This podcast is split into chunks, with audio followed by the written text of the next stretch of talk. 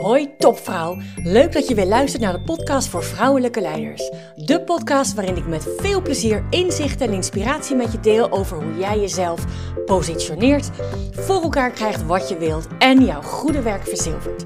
Want je bent niet op de wereld om eenheidsworst te zijn. Ontdek hoe je tot in je tenen voelt wat voor een geweldige vrouw je bent. Hoe je op alle vlakken van je leven regie pakt. En natuurlijk hoe je dat allemaal positioneert, zodat je jouw goede werk verzilvert. Inspireer anderen met jouw vrouwelijk leiderschap voor een gelijkwaardige wereld. Hoi, vandaag ga ik het hebben over leiderschap, over vrouwelijk leiderschap. Een geweldig onderwerp en dat komt vooral vanwege de associaties die ik erbij heb. Dus het, thema leiderschap, het onderwerp leiderschap, daar kun je allerlei associaties, ideeën, beelden bij hebben. En vandaag deel ik die van mij en niet alleen dat, ik ga ook in op wat leiderschap zo enorm in de weg zit. En dan heb ik het over authentiek leiderschap vrouwelijk leiderschap. Om met die laatste maar eens te beginnen, hè, want natuurlijk heeft, uh, natuurlijk heeft ChatGPT mijn nieuwsgierigheid gewekt. Dus ik dacht, laat toen ik ertussen kwam, laat ik eens intypen wat is vrouwelijk leiderschap. En dat heb ik gedaan. En het antwoord luidt als volgt. Vrouwelijk leiderschap is een benadering van leiderschap waarin vrouwen leiding geven op een manier die hun eigen kenmerken, waarden en kwaliteiten benadrukt.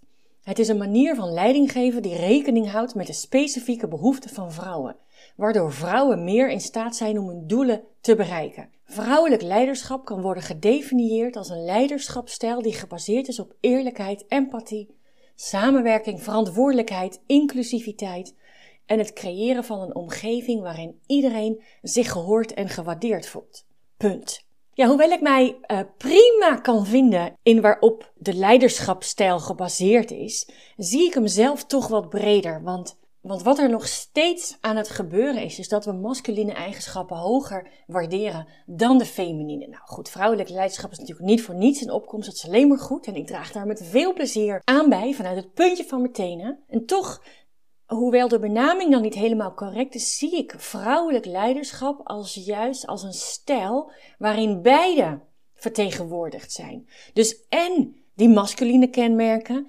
en die feminine kenmerken. Want we zijn opgegroeid nog steeds met die masculine kenmerken die we zo, uh, ja, die we zo belangrijk maken, die we als zo belangrijk zien. Dus die hebben we ook. Dus die hebben we ook. En ik zie door te verschuiven naar alleen uh, leiding geven met, uh, of leiderschapstijl vormen met alleen feminine kenmerken, dan kom je natuurlijk ook voor geen meter vooruit. Want er zijn ook uh, masculine eigenschappen nodig om jezelf als een ja, leider te positioneren, om een leider, een inspirerend leider te zijn.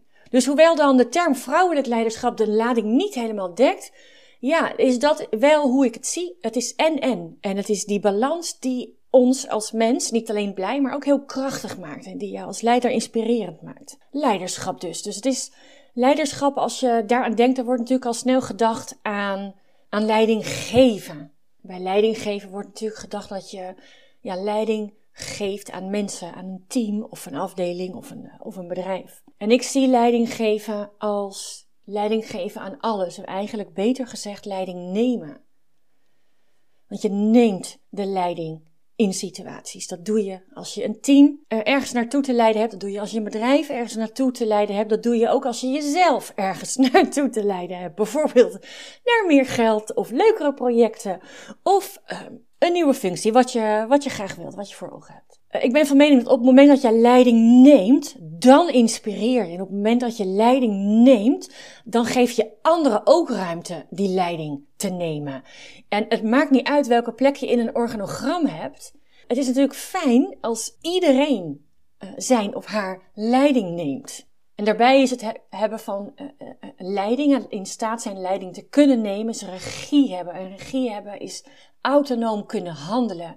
En als er één ding belangrijk is in het, uh, in het hebben van een leuke werkplek, dan is autonomie daarin een heel belangrijke. Waar ik eigenlijk over wilde vertellen is, uh, wat zit dat leiderschap nu zo in de weg? Wat zit dat leiderschap nu zo in de weg? Want er is één ding waardoor het allemaal een stuk ingewikkelder wordt om leiding te nemen of te geven. Laat ik een heel dagelijks voorbeeld pakken, een situatie. Je komt in een file terecht. Je komt in een file terecht. De een gaat flippen. Het is kwart voor tien. Je hebt om tien uur een afspraak. Je gaat het niet redden. Google zegt tien over tien aanwezig. En dus kom jij je afspraak niet na. En dus ben je onbetrouwbaar. Terwijl een ander komt in dezelfde situatie, komt ook in die file terecht, heeft ook een afspraak om tien uur, denkt van, ah, hè, het staat eigenlijk nooit file op dit tijdstip, hè, wat vervelend, ik had nog zo gekeken. Nou, weet je wat? Ik ga even mijn afspraak bellen en ik geef aan dat ik om kwart over tien bel. heb ik nog vijf minuten speling ook, want ik heb geen zin in uh, gestrest aankomen op mijn afspraak. En natuurlijk zeg ik sorry. Dus de een denkt, oké, het is wat het is. Ik bel mijn afspraak. Ik ben een kwartier later. Kan ik nog even dit radioprogramma afluisteren. De ander gaat flippen. Zoekt alternatieve routes. Begint bumper te kleven. Snijdt anderen af. Alles om ervoor te zorgen dat die 10 minuten te laat ingehaald worden. Met alle gevolgen van dien. Even los van hoe je dan op zo'n afspraak aankomt. Precies dezelfde situatie. En dat heeft alles te maken. Dat heeft alles te maken met het oordeel over die situatie. Degene die er oké mee is, die, uh, ja, je denkt, ja, maar ja, tuurlijk is het wel jammer, wel vervelend, want een afspraak is natuurlijk wel een afspraak en die kom ik het liefst wel gewoon na. Maar hé, hey, ik heb niet alles onder controle. Terwijl die tweede denkt, oh, ik ben te laat. Ik ben te laat op mijn afspraak. Dus de eerste kennismakingsgesprek. En nu kom ik op mijn eerste gesprek al een kwartier te laat. Jeetje, dat is echt slecht. Nou, vanaf nu ben ik onbetrouwbaar. Ik ben onbetrouwbaar. Dus het grootste verschil met die eerste en die tweede persoon, die eerste en die, die tweede reactie, is het oordeel. Het oordeel over de situatie. De een ziet ja, het gevolg daarvan te laat komen als, uh, oh, nu ben ik onbetrouwbaar. En de ander ziet de situatie als, ja, ik heb zo mijn best gedaan en nog, ja, ik kan niet alles voorzien. En dat is long story short, dat is waar het over gaat. Jouw oordeel over de situatie. In het voorbeeld van, oké, kan gebeuren, shit happens. En ik zeg sorry. Dat is, als je het mij vraagt, inspirerend leiderschap over situaties in je, in je leven, in je dagelijks leven.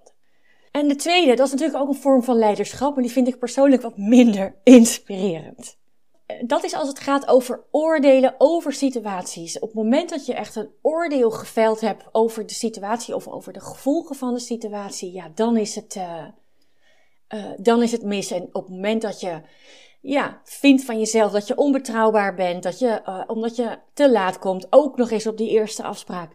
Ja, weet je, ga er maar vanuit dat je geen creativiteit meer hebt om, om een oplossing te vinden, om bij je kracht te zijn. Terwijl op het moment dat je dat oordeel achterwege laat, hoe lastig dat ook kan zijn, dan uh, dat maakt het een stuk rustiger voor jezelf.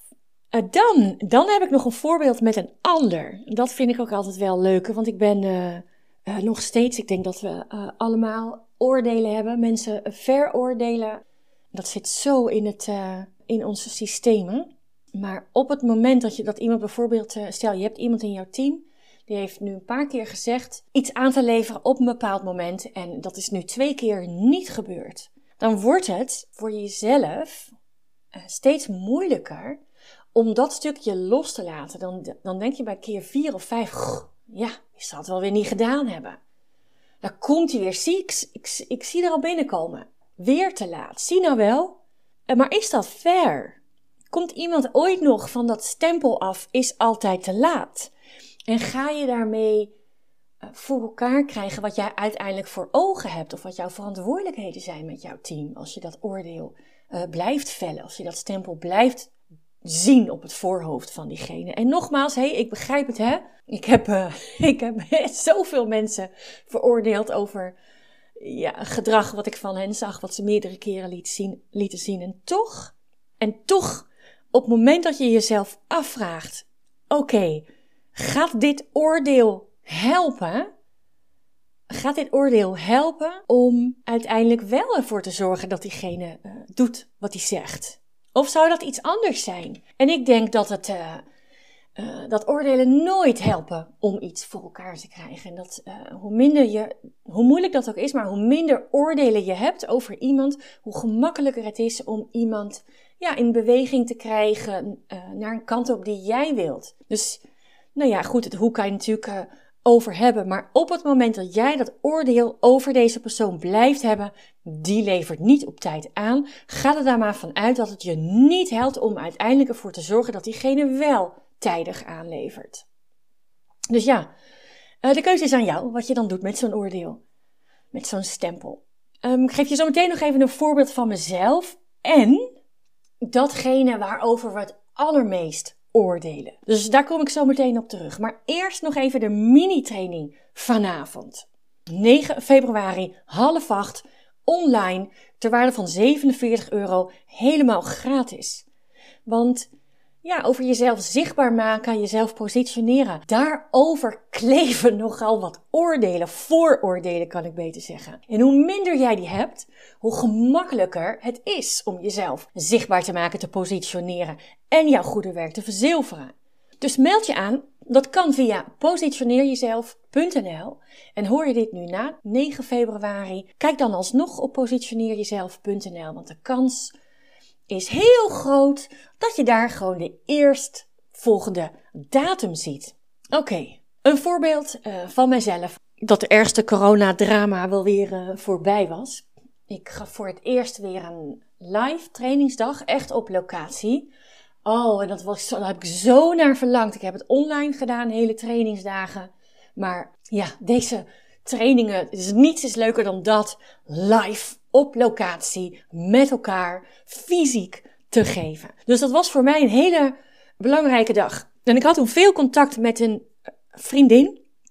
En die was, die had me weken van tevoren al horen uh, beppen en blij zijn over dat die dag er eindelijk weer aankwam. En op die dag zelf merkte ik, uh, het was om tien uur begonnen we, en ik dacht, oh nou, dan krijg ik wel, krijg ik wel een berichtje van haar. En ik kwam niet, en ik kwam niet, en ik kwam niet. En toen was het tien voor tien en mensen waren eigenlijk al binnen. En toen zag ik een berichtje binnenkomen van haar, maar dat ging over haarzelf. En op dat moment vond ik dat zo stom. Ik heb het gelaten, want ik had een trainingsdag te geven vanuit positieve energie. Maar ik vond dat zo stom. Ik denk, nou, nou zit ik al zo lang naar deze dag toe te leven. En wat doe jij? Je wenst me niet eens plezier of succes of wat je me ook wensen wilt. Ik vond het zo stom. En, en tot, tot op momenten, dat was niet tijdens de dag, dat was eh, denk, denk s'avonds of zo, dat ik weet niet meer precies.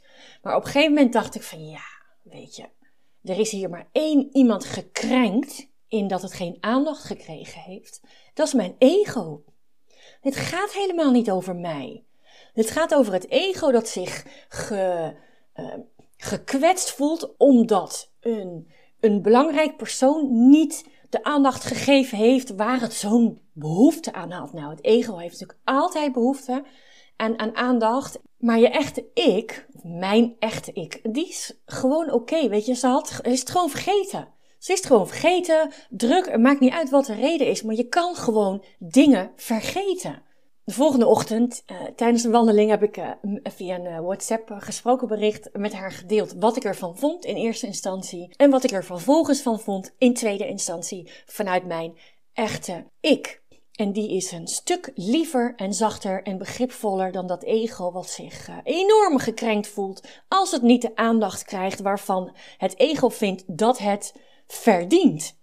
Dus ook daar, ook daar, die, dat oordeel wat ik over haar had, over dat het stom vond, zo goed, vond, dat ik het stom vond, zo'n goede vriendin die niet eens aan me dacht. Ja, dat, uh, uh, dat was mijn ego en dat was uh, niet ikzelf. En toen ik ontdekte dat ik het, dat ik het zelf gewoon oké was, met, weet je, vergeten. Kan gebeuren en klaar vanaf dat moment uh, was het er ook niet meer. Was het een oordeel over deze vriendin er ook gewoon niet meer. Daar is ook helemaal niets. Nou, dus, dus dat was nog even een voorbeeld van mijzelf. En dan de, ja, de laatste, de, datgene waar wij het allersterkst over oordelen. Ik denk van alle voorbeelden die ik heb gegeven, van alle situaties die je kan meemaken, ik denk dat er één, één iets is waar we het allersterkst over oordelen. En dat is uh, over onszelf. Dat is over onszelf. We mogen niet stilzitten als het werk niet af is, want dan zijn we niet goed genoeg. We mogen geen successen delen, want uh, ja, dan doe je niet normaal genoeg. We mogen niet voor onze mening uitkomen, want hé, hey, wie denk je wel niet dat je bent, joh? We mogen niet voor ons eigen gewin gaan, want dat is egoïstisch, egocentrisch. We mogen geen, geen nee zeggen, want dan functioneren we niet.